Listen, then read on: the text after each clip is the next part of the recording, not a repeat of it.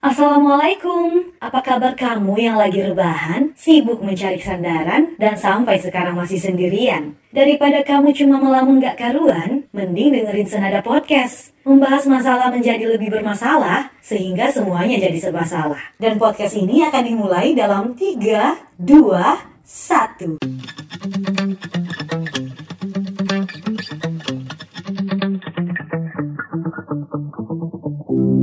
Yeay, selamat datang di episode pertama Senada Podcast. Senada cinta bersemi di antara kita. Astaga weh. Dan uh, di episode pertama ini Asik ala-ala drama Korea Episode pertama, kedua, ketiga, keempat Dan sampai seterusnya. By the way, ini namanya podcast diriku bernama Senada. Itu bukan nama saya. Jadi Senada ini adalah Senada, satu nada? Ya itu sih Oke, okay, tanpa berbabi bacot lagi, langsung aja kita masuk di pembahasan perdana kita kali ini.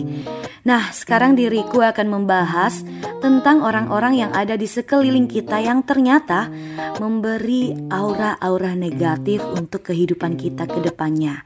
Jadi tanpa kita sadari ini, ada orang-orang di sekeliling kita yang justru memberikan pengaruh buruk atau dampak negatif bagi kehidupan kita. Nah, orang-orang seperti apakah itu? Kita akan bahas di sini cuma di Senada Podcast, oke? Okay?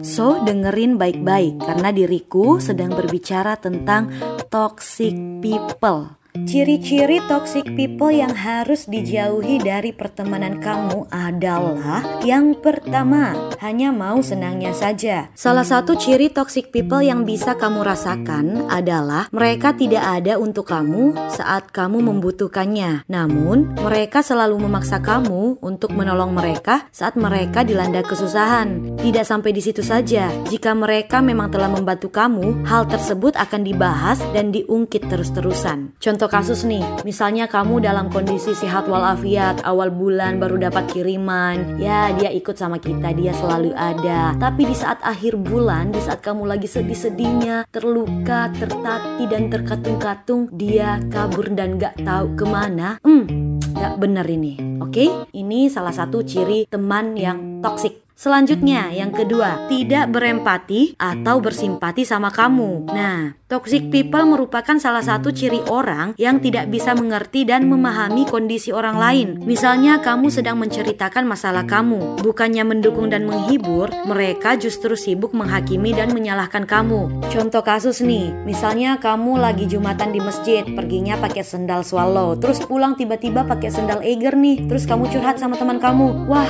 tadi aku salah pakai sendal, terus teman kamu bilang, wah dasar lu pencuri. Nah ini nih teman yang toxic atau toxic people karena harusnya kalau dia adalah teman yang baik harusnya dia itu bilang kayak gini gak apa-apa manusia itu tempatnya salah dan hilaf besok kita balikin sendalnya oke okay? nah begitu teman yang baik itu harusnya mendukung menghibur dan memberikan jalan keluar bukannya menyalahkan dan menghakimi kamu oke okay? terus selanjutnya yang ketiga adalah tidak mau mengakui kesalahan atau susah untuk minta maaf selain menyebalkan dan merugikan kamu toxic people tidak bisa minta maaf. Meski mereka sudah jelas-jelas salah, mereka akan menganggap kesalahan mereka itu disebabkan oleh orang lain. Dalam banyak kasus, mereka mencoba untuk menjalin hubungan baik dengan orang lain, tetapi sebenarnya untuk mencapai tujuan mereka sendiri. Mereka mencoba untuk memperoleh simpati dan perhatian dengan cara berpura-pura sebagai korban, alias playing victim.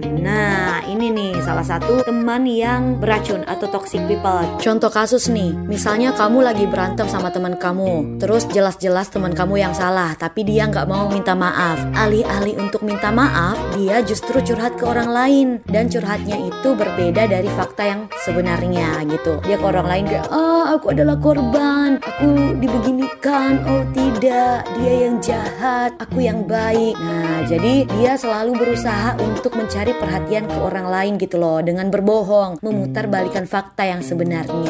Padahal jelas-jelas dia tahu nih kalau dia yang salah, tapi nggak mau minta maaf. Nah, teman seperti ini yang harus kita waspadai. Jangan sampai dia malah memberi pengaruh buruk untuk kehidupan kita ke depannya. Oke, okay? selanjutnya yang kelima Eh, yang keberapa ini?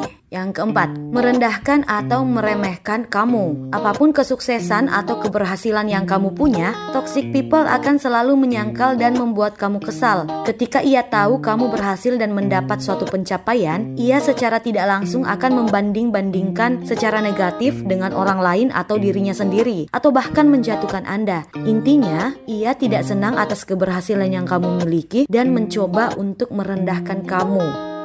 Contoh kasus nih, misalnya kamu lagi bikin sesuatu gitu, bikin prakarya gitu kan, bikin kesenian, uh, bikin film, pokoknya apa pun itu kamu bikin sesuatu, terus kamu kasih lihat tuh sama teman kamu, coba deh lihat ini, uh, terus teman kamu malah bilang gini, ah jelek, apaan sih, biasa aja, gue juga bisa careless. Nah itu adalah toxic people, meskipun dia adalah teman kamu dengan ada bercanda, tapi itu secara tidak langsung asik, terus banget diriku berbicara, oke? Okay? Secara tidak langsung itu bisa merusak psikis kamu gitu loh ya gak sih? Jadi orang yang seperti ini jangan pernah didengarkan. Yang sebenarnya karya kamu itu bagus, keren. Harusnya itu teman yang baik itu kasih masukan lebih baik. Tapi kalau dia malah menjatuhkan kamu, itu adalah toxic people yang harus kamu jauhi. Karena itu nggak baik untuk masa depan kamu. Harusnya kamu berhasil, tapi karena perkataan dia, kamu justru down.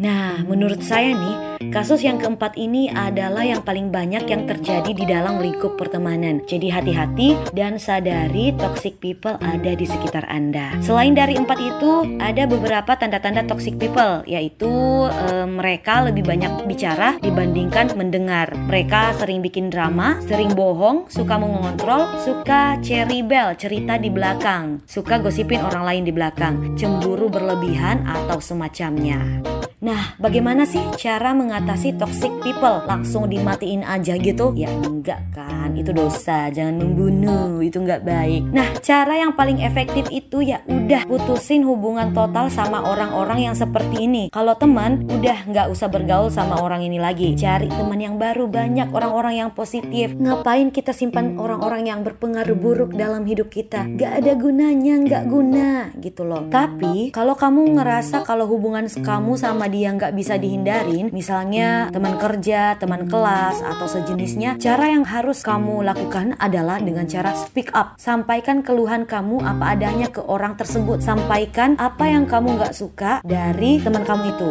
Karena kalau kamu nggak menyampaikan unek-unek kamu, itu beratnya mirip kayak kamu itu dibully tapi nggak ngelawan balik. Biasanya bully itu bakal semakin menjadi kalau nggak dilawan. Bisa jadi juga dia itu nggak sadar dan kalau nggak ada yang ngasih tahu, gimana tuh dia bisa sadar? Sadar.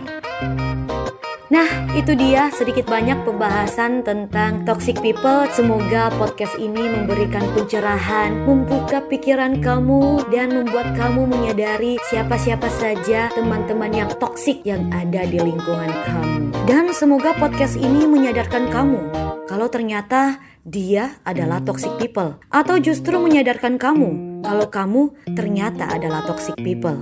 Waspadalah, waspadalah, waspadalah. Sekian podcast saya hari ini. Kita ketemu di podcast-podcast selanjutnya. See you, bye-bye. Eh, lupa salam. Assalamualaikum warahmatullahi wabarakatuh.